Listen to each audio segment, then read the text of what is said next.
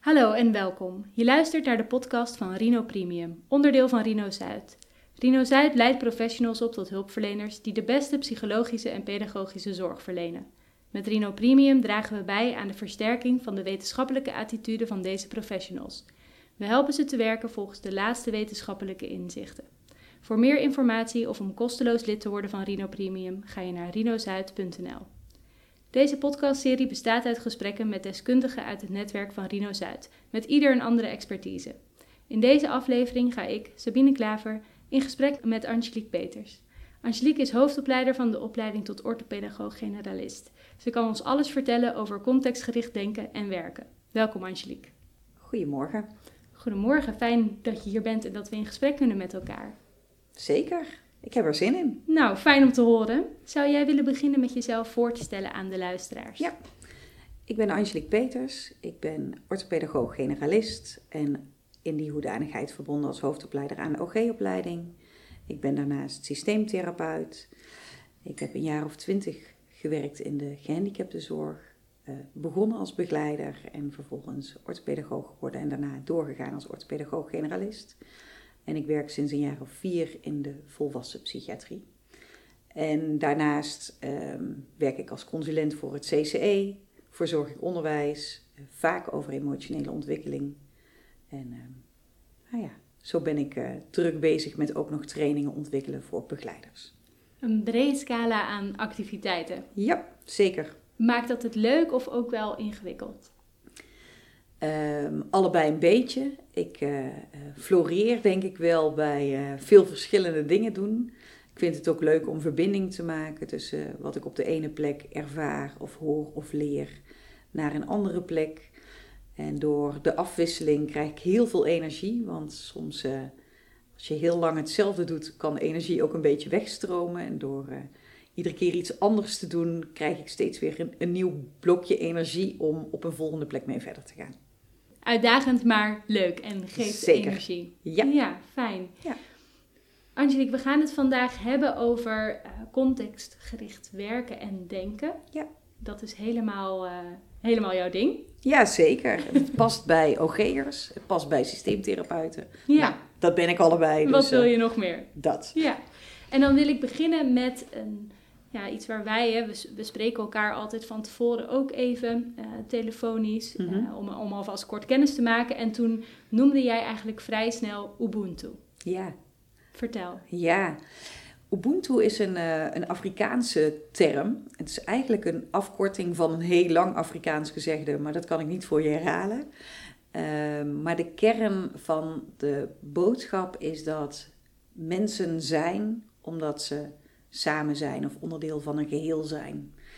En uh, die term is ooit eens op mijn pad gekomen toen ik een jaar of, ik denk twaalf geleden of zo, scholing ontwikkelde.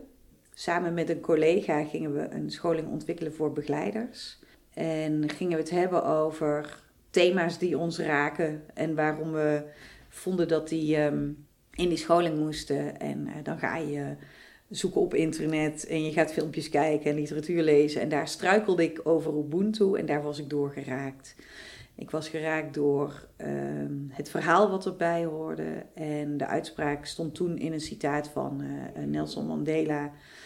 Um, en ging heel erg over het, het samen gedachtegoed. En uh, hoe je elkaar uh, tot grote hoogte kan stuwen. Hoe je helaas ook negatieve invloed kan hebben op elkaar. Maar de verbinding uh, kwam in dat citaat heel erg naar voren. En ik zie mezelf al als een verbinder. En ik zie ons werk ook als verbinden. Dus uh, daarom eigenlijk die term.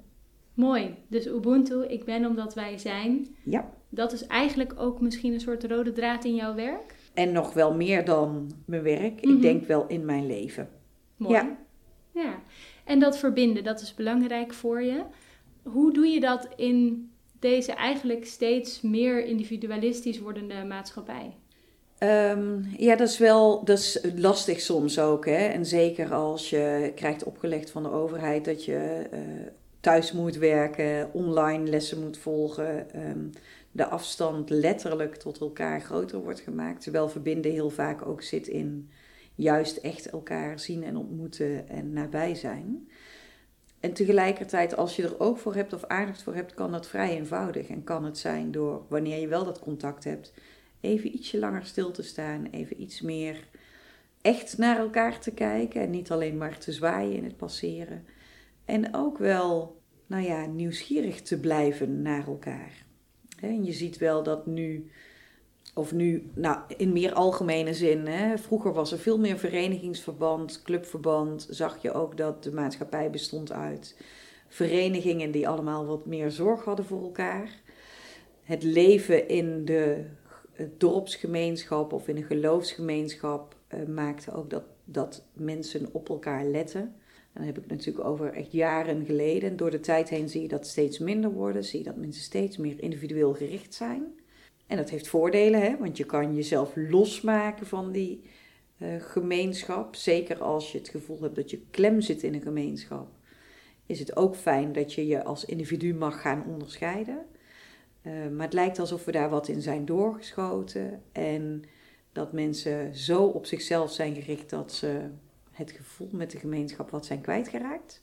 En nu zie je weer terug een trend ontstaan, hè, dat mensen, nou ja, noem maar wat, weer gezelschapsspellen samen aan tafel gaan doen, weer elkaar willen opzoeken. De hoeveelheid protest die er was op het moment dat sportverenigingen niet meer mochten samenkomen en nou, misschien wel de polarisatie dat sommige verenigingen onder het mom geloofsovertuiging wel bij elkaar mochten komen en anderen onder het mom carnavalsvereniging niet bij elkaar mochten mhm. komen. Terwijl voor de beleving van de mensen het eenzelfde gemeenschapsfunctie heeft, uh, zegt denk ik wel iets over deze tijd. En komt dus meer naar voren dat mensen blijkbaar wel behoefte hebben aan bij elkaar zijn of met elkaar samen doen, delen. Zit dat niet ook gewoon in onze natuur? Ja, en, en ehm, ik denk dat het bij iedereen op de een of andere manier wat meer of wat minder is. Hè? En, niemand is helemaal individualistisch of helemaal altijd op de gemeenschap gericht. Is een soort van bandbreedte waarop iedereen zich ergens positioneert. En waar je vanuit je opvoeding en vanuit je allereerste ontwikkeling eigenlijk meebeweegt op de manier waarop je ouders dat doen. Dus als je ouders enorm lid zijn van verenigingen en alles altijd met vrienden doen en uh, nou ja, je, je echt opgroeit als kind van een hele gemeenschap, heb je de neiging om dat zelf later ook te gaan doen. Of meer in ieder geval dan kinderen van ouders die volledig op zichzelf en op hun eigen gezin gericht zijn en minder die gemeenschap aangaan dus het is ook wel aangeleerd gedrag. Het is aangeleerd gedrag naast je persoonlijke behoeften.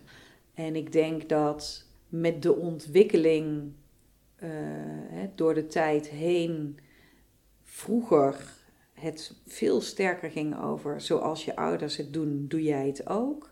Daar is gelukkig wat uh, emancipatie opgekomen hè, in de jaren 80 en 90, dat je het anders mocht gaan doen dan je ouders. En daarvoor was dat natuurlijk wel ook al, maar ik denk dat in de jaren 80 en 90 dat hele vrijgevochten van de, van de 60 en 70 jaren wat meer in balans kwam.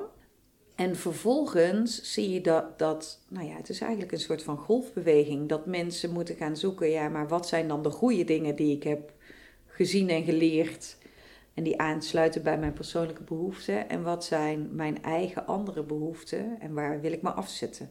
En um, dat is iets van je persoonlijk, maar dat is dus ook iets van de maatschappij. Want met het ontwikkelen van technologie uh, kun je veel makkelijker en sneller je onderscheiden. Met het ontwikkelen van allerlei snellere of andere vervoersmiddelen ligt de hele wereld aan je voeten en ben je niet meer gebonden aan alleen maar de dichtstbijzijnde gemeenschap.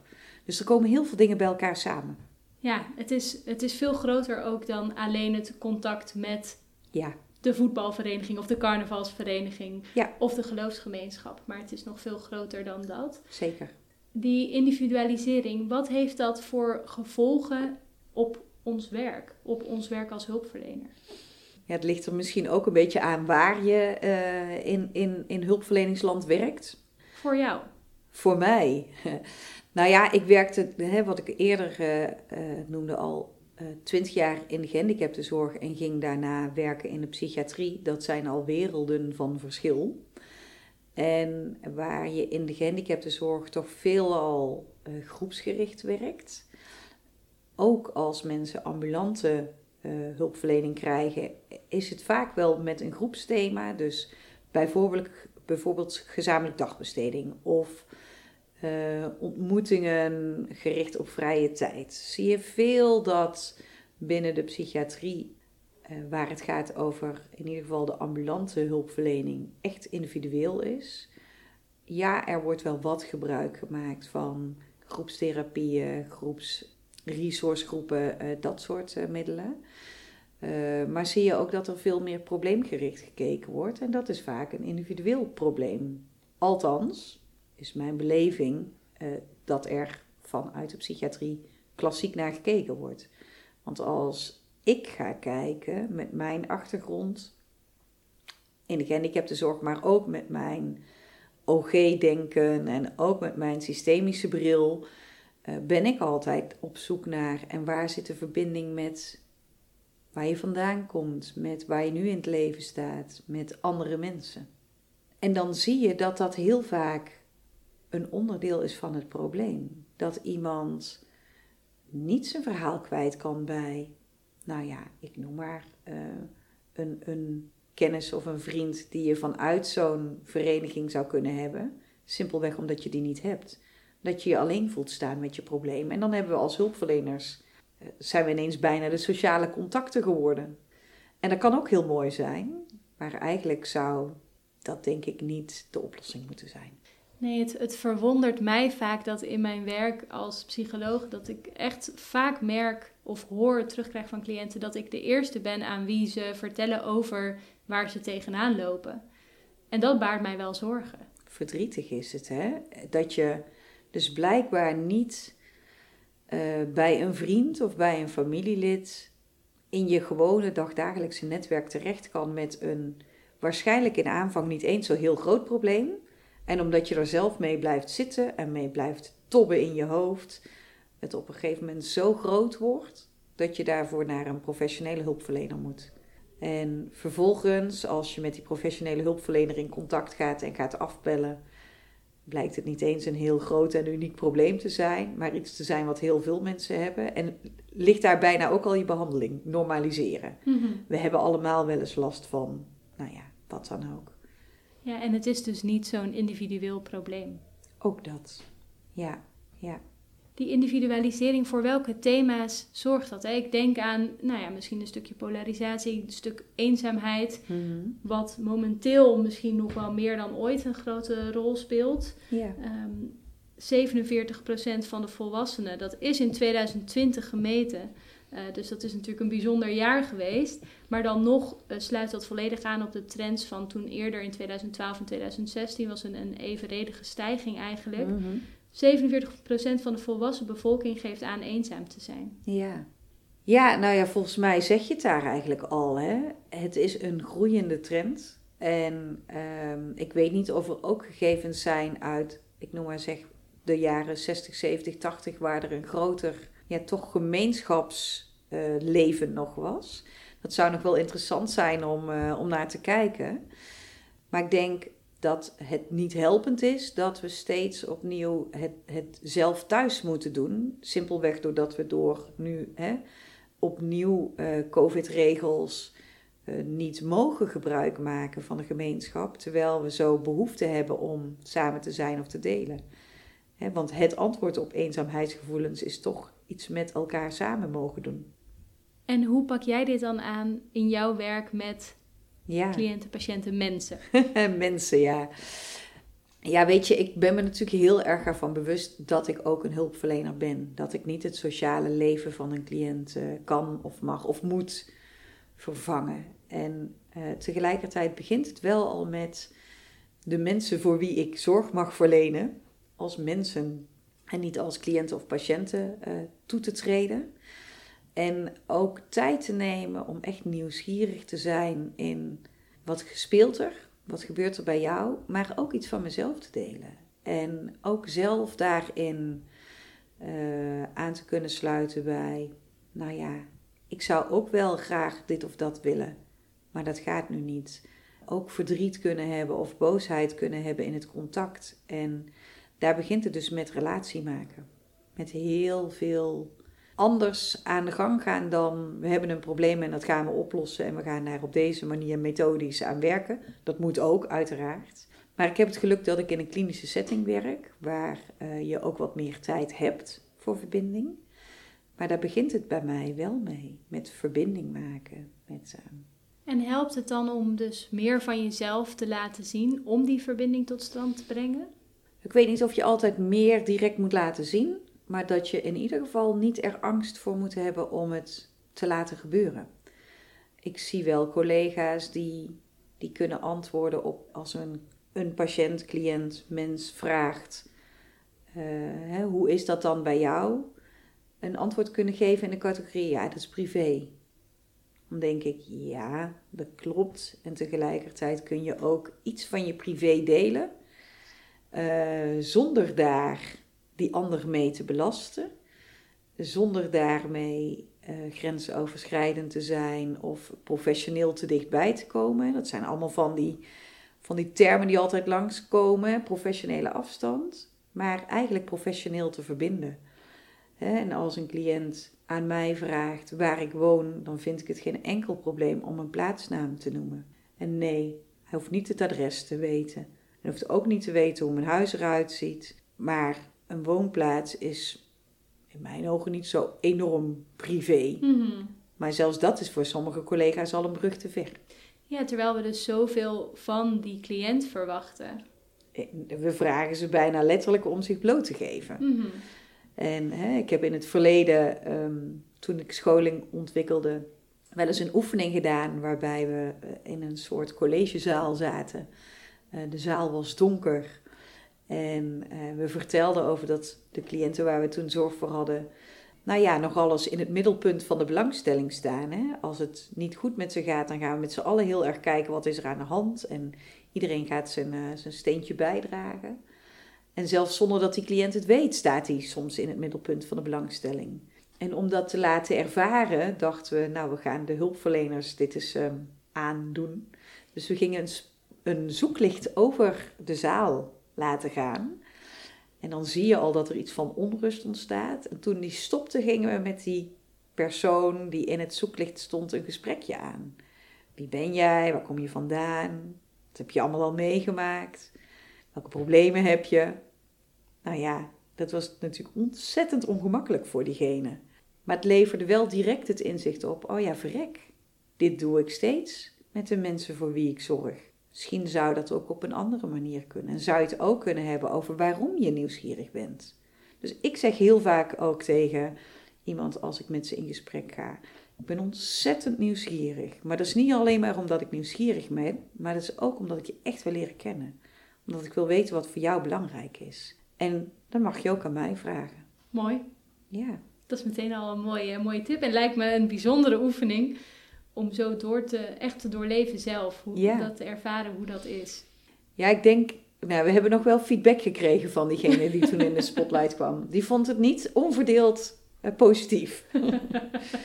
misschien achteraf, terugkijkend. Ja, ik, ben hem, ik, ik, heb hem al lang niet meer gesproken. Het zou misschien nog eens leuk zijn om, uh, als ik hem nog eens zie, uh, die vraag te stellen. Maar ik kan me wel voorstellen, ik doe ook op andere manieren oefeningen waarbij ik vraag aan begeleiders, hulpverleners, mensen die voor andere mensen mogen zorgen, om zich in de schoenen van diegene te, uh, te plaatsen, om dat te beleven. En als ik dat doe, bijna altijd komt daar enorm veel vrij. Als mensen zich realiseren, dit is wat ik voor die ander doe, of voor die ander bepaal. En goh, dat had ik me eigenlijk niet gerealiseerd. Dat ik vanuit mijn hulpverleningspositie ineens zo belangrijk ben. Misschien moet ik daar wel eens bij stilstaan. Nou, dat levert zo ontzettend veel op. Mooi. Ja. En wat is er specifiek nodig of welke specifieke factoren om tot die verbinding te komen? Je zei al, die nieuwsgierigheid is belangrijk, hè, de oprechtheid ook daarvan. Ja. Wat, wat is daarvoor nodig en wat is daar systemisch voor nodig? Misschien wel anders dan één op één, want het lijkt me dat daar een groot verschil in zit. Ja, en je, en je kan ook heel goed één op één wel systemisch werken. Hè? Maar het begint met nieuwsgierig zijn naar waar kom jij vandaan? Wat heeft jou gevormd?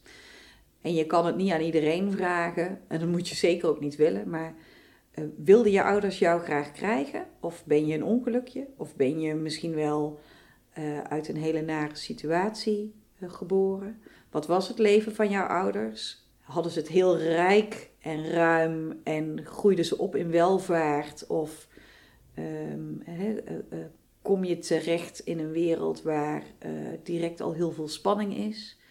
He, we hebben ontzettend veel verhalen steeds over oorlogsvluchtelingen die naar Nederland komen, waar ook heel gepolariseerd op gereageerd wordt. Maar kunnen wij ons iets voorstellen met dat je continu leeft in onveiligheid, in angst? Dat je uh, niet weet of je huis morgen nog bestaat omdat er misschien wel iemand een bom opgooit?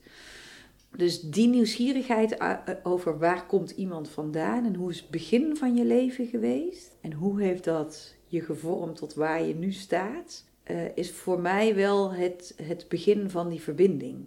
En dat doe je door ernaar te vragen, maar er ook echt naar te luisteren. En niet omdat op je lijstje staat: ik moet vragen of iemand uh, uit een rijk systeem kwam. Dat afvinken, hè? de, de sociaal-economische status. Mm-hmm. Maar doorvoelen, wat betekende dat voor jou? Betekende dat dat je misschien wel geen cadeautjes kreeg, terwijl de kinderen om je heen dat wel kregen? komen nu van die spotjes af en toe op de radio. Die grijpen me enorm aan.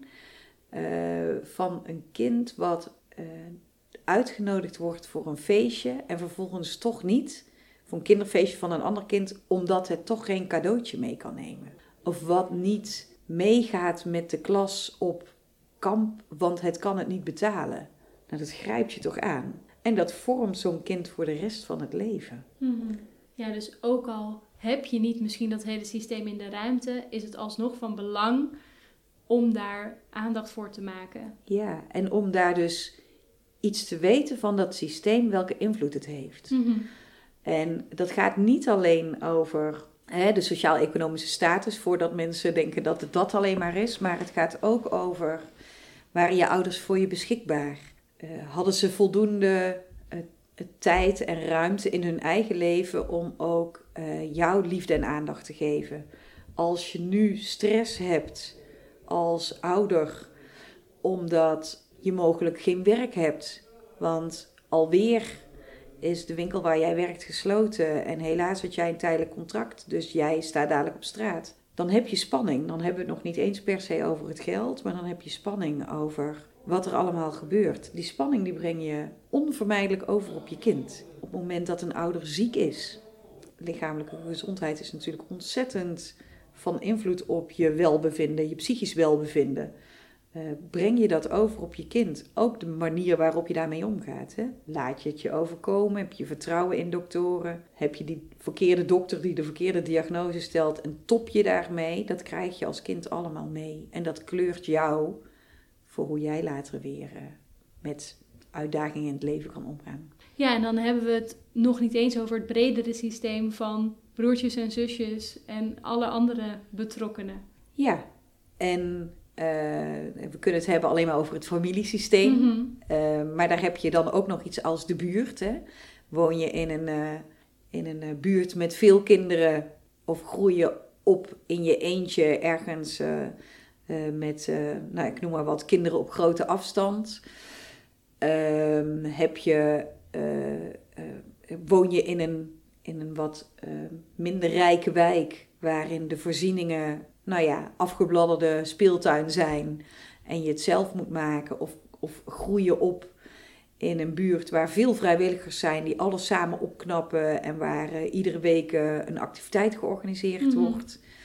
Um, nou ja, hè, er komen heel veel factoren bij elkaar. En uh, ben je hier hè, waar je opgroeit, kom je hier ook echt vandaan? Of ben je import, om het zo maar te zeggen? Een import kan zijn, je komt uit een stad verderop en je ouders hebben nog geen rijk sociaal netwerk. Of ben je een oorlogsvluchteling die van asielzoekerscentrum naar asielzoekerscentrum naar eindelijk een huisje mag gaan.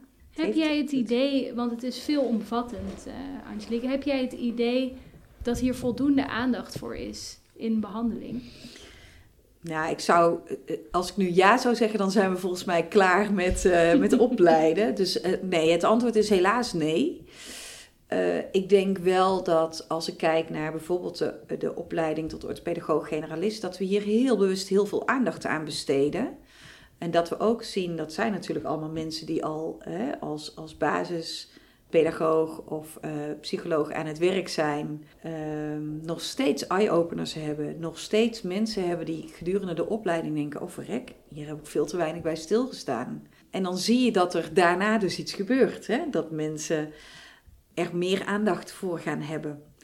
En ik, ik denk dat daar ook wel mijn drijfveer zit om dit onderwerp ter sprake te brengen. Ik denk dat we nog enorme slagen kunnen maken. En maar daarvoor moeten we eerst het belang zien. En ik ben niet voor niks na mijn uh, opleiding tot orthopedagoog-generalist ook nog systeemtherapeut geworden. Want zelfs al zit het in die OG-opleiding en is daar veel aandacht voor de invloed van context en uh, hoe je daar ook gebruik van kan maken. Hè? Want je kan die context natuurlijk ook inzetten, juist als kracht en als nou, ik zou maar zeggen, co-behandelaren in, uh, in, in, in de ondersteuning. Um, maar uh, merkte ik dat ik zelf nog behoefte had om daar nog meer methodisch mee aan de slag te gaan. En dat, dat was voor mij een reden om me er nog verder in te verdiepen. Ja, er is nog genoeg werk aan de winkel en daar zet je je graag voor in. Zeker. Die context en het belang daarvan, hè, dat ontbreekt dus soms, of daar hebben we misschien soms te weinig aandacht voor mhm. in ons werk, maar überhaupt in, in onze meer individualistische maatschappij. Mhm. En het ontbreekt daarvan ook veel in de eerste drie jaar, of de eerste duizend dagen van een, een nieuw leven. En dat vond jij iets belangrijks om te bespreken volgens mij? Nou, ik vond het belangrijk omdat gelukkig er meer aandacht is voor die belangrijke duizend eerste dagen. Op het moment dat we daar tekortschieten. En ik zeg we, omdat ik hè, geloof in we doen het met elkaar samen.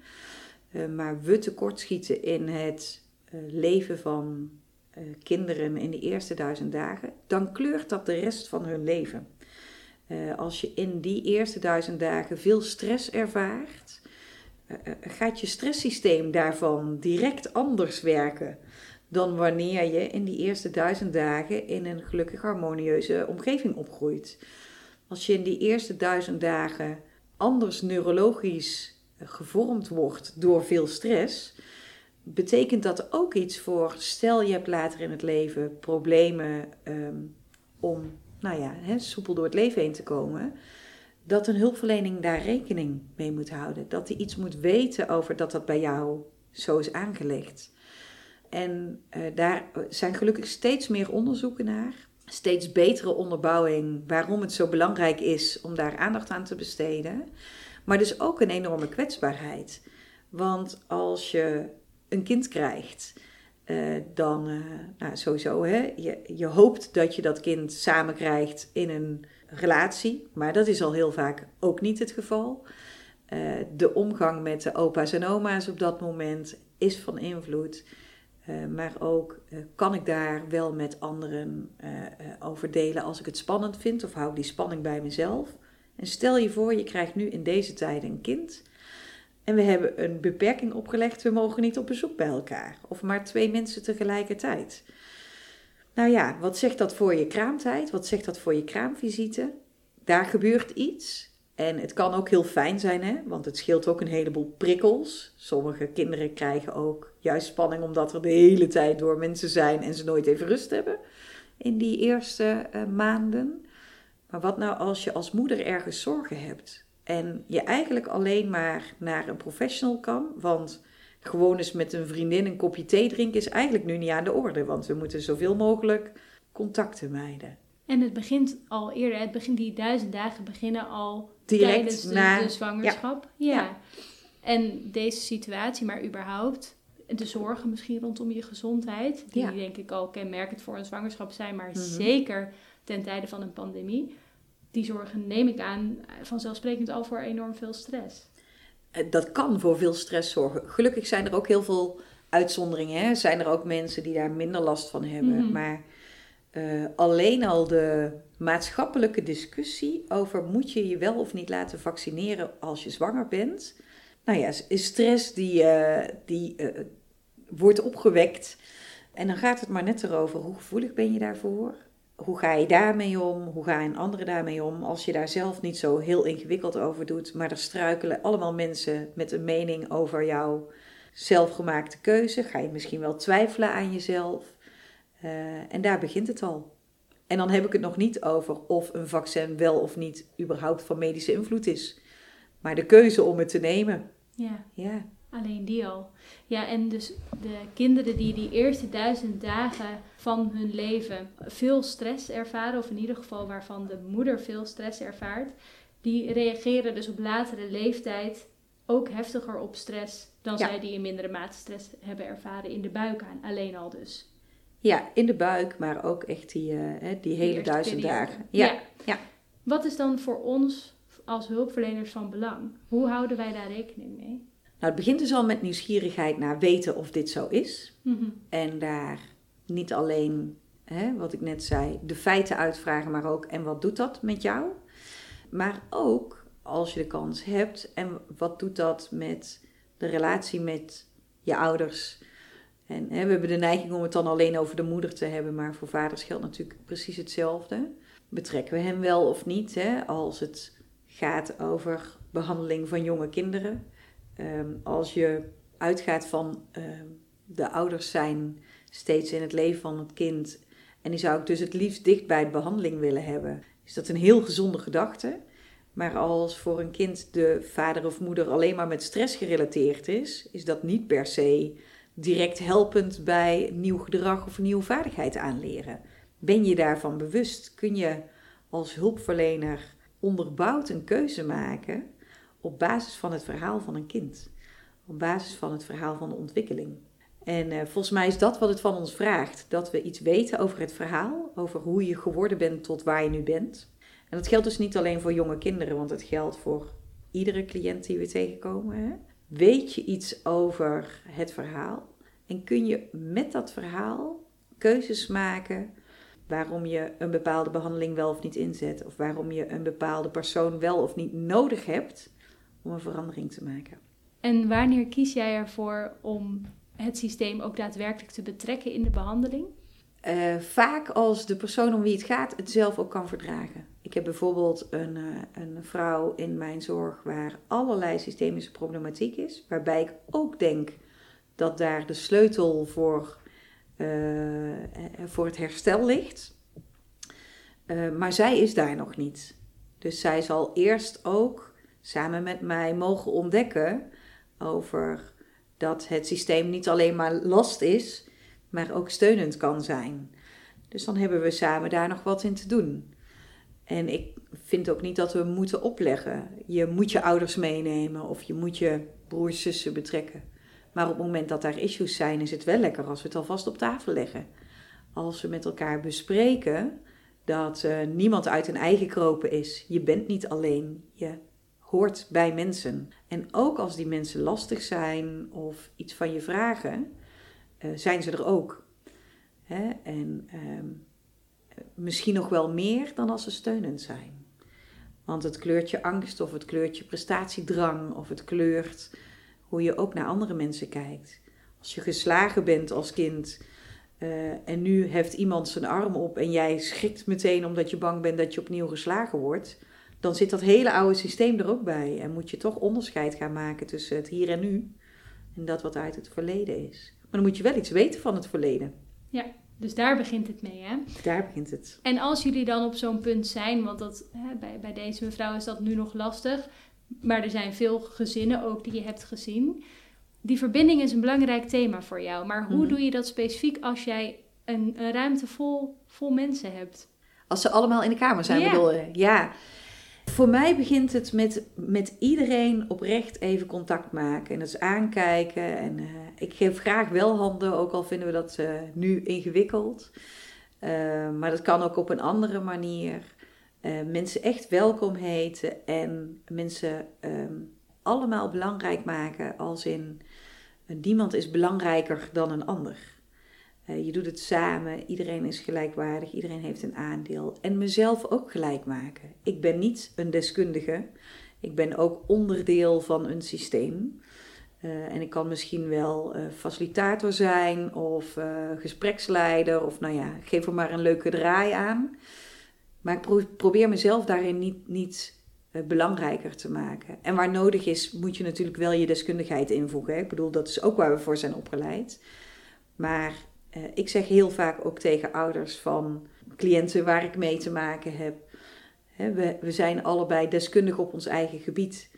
Ik ben boekendeskundig en u heeft de deskundigheid over uw eigen kind. Laten we dat proberen te bundelen met elkaar. En dan gebeurt er direct iets anders. Want dan heeft hij ouder positie gekregen. En is er dan ook al meer vertrouwen, merk je?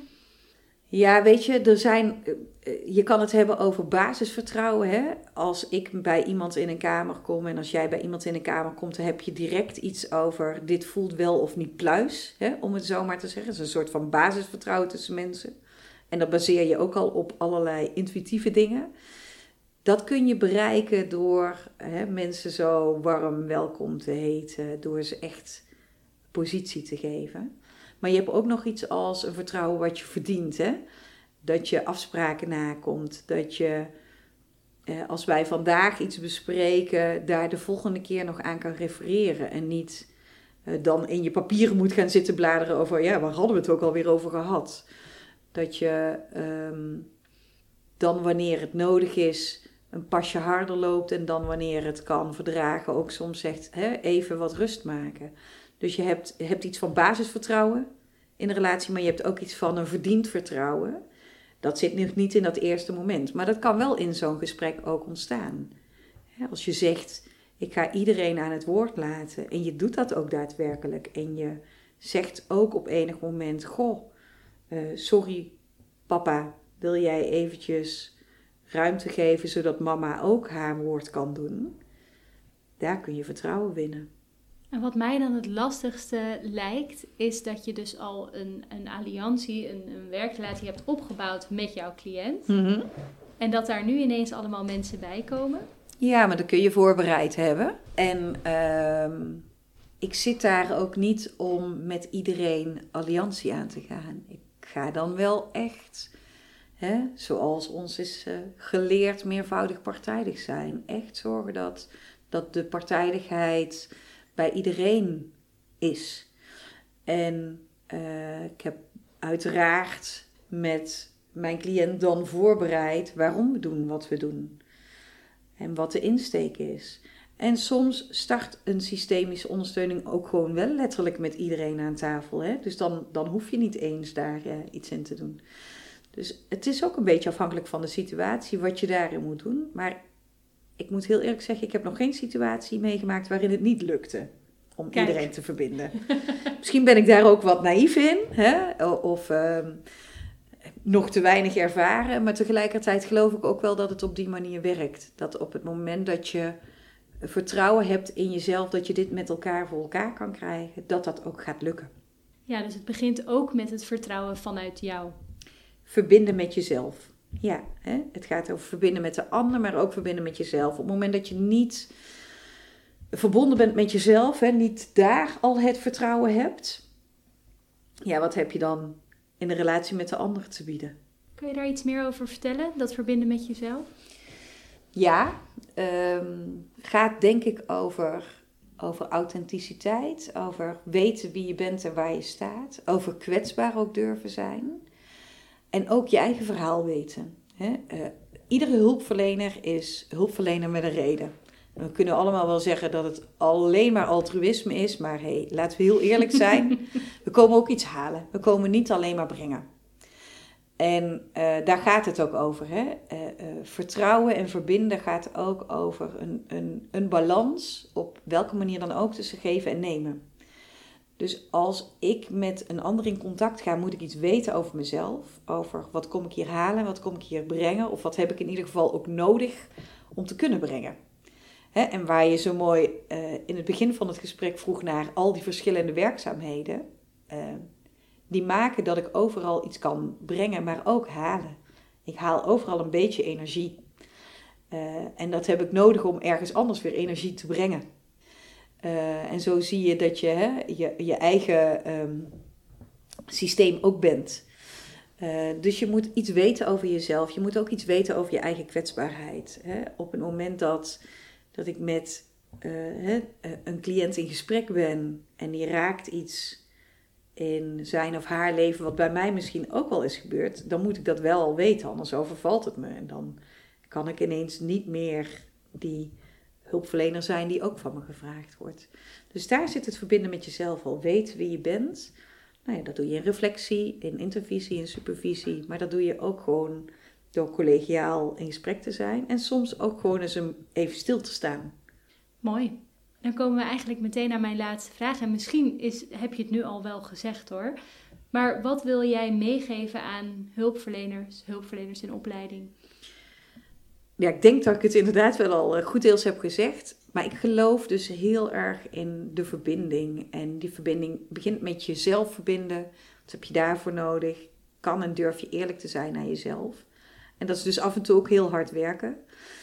Het is ook niet voor niks dat we in alle opleidingen ook supervisie uh, als verplicht onderdeel hebben zitten. Dat we ook zeggen blijf intervisie hebben met elkaar. Dat gaat echt over de verbinding met jezelf. En met jezelf als mens en als professional. En dat is één en geheel. Mm -hmm. En we kunnen heel goed proberen af en toe een muurtje omhoog te houden. En dat moeten we zeker ook doen. want je hoeft jezelf niet bloot te geven. Het zou heel raar zijn als dokters uh, hun patiënten vragen om bloot te zijn en dat ze dat dan zelf ook gaan doen. Mhm. dus het zou ook heel raar zijn als wij als uh, psychologisch of orthopedagogisch hulpverleners uh, ons net zo blootgeven als we van onze cliënten, patiënten, de mensen voor wie we zorgen vragen. Want daarmee wordt het ook wel heel erg spannend. Want wat moet die ander daarmee? Dus er mag best wel iets van begrenzing zijn. Maar die grens moet wel ergens over gaan. Moet gaan over waarom je wat afstand moet houden. Maar die grens is niet keihard, wat mij betreft. Het gaat ook over waarin zijn we gelijk. En daarin kan je verbinden. En als je echt verbinding hebt met elkaar, geloof ik ook dat je verbinding kan hebben met dat grotere geheel. En dat je dus samen ook kan zoeken naar uh, krachten in het systeem. En het systeem kan je vormen in positieve en in negatieve zin. Dus als iemand in die eerste duizend dagen ontzettend warm en liefdevol is opgevoed, alles heeft gekregen wat zijn hartje begeert. Ik geloof niet dat die situaties 100% bestaan, maar ook leren omgaan met teleurstellingen hoort bij uh, opvoeden en opgroeien. Uh, dan heb je een ander vertrekpunt wanneer iemand verderop in het leven iets heftigs overkomt.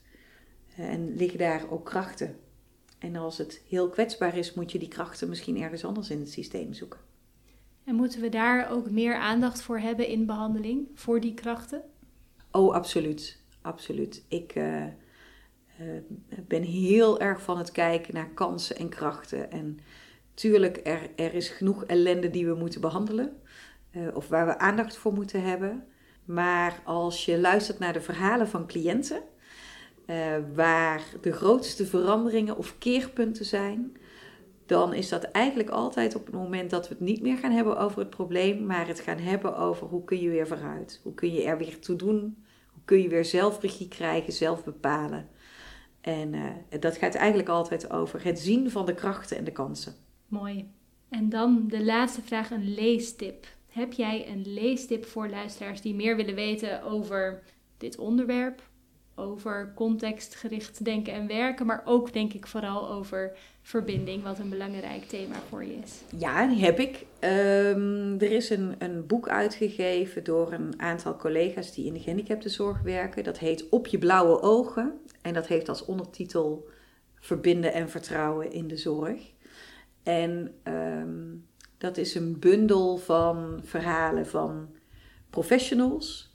Um, psychologen, orthopedagogen, um, maar ook managers, verpleegkundigen, artsen en uh, de cliënten met wie ze uh, werken, gewerkt hebben, die ook hun ervaringsverhalen delen. En dat boek geeft een heel mooie uh, weergave van hoe je ook kan kijken naar verbinden, hoe je je eigen kwetsbaarheid als kracht kan inzetten en hoe je niet alleen maar hulpverleners op hun blauwe ogen moet geloven, maar dat hulpverleners moeten zorgen dat je ook echt verbonden raakt en echt vertrouwen biedt. En dan kan je samen heel ver komen. Mooi, dus op je blauwe ogen verbinden en vertrouwen in de zorg. Ja. We zetten hem ook in de show notes erbij voor de mensen die daar geïnteresseerd in zijn. Mooi. Dan wil ik jou van harte bedanken. Graag gedaan. Voor dit mooie gesprek. Graag gedaan. Je hebt geluisterd naar de podcast van Rino Premium, onderdeel van Rino Zuid. Voor meer informatie of om kosteloos lid te worden van Rino Premium, ga je naar rinozuid.nl. Wil je op de hoogte blijven van alle ontwikkelingen? Volg ons dan op LinkedIn of bekijk onze Facebookpagina. Tot de volgende keer!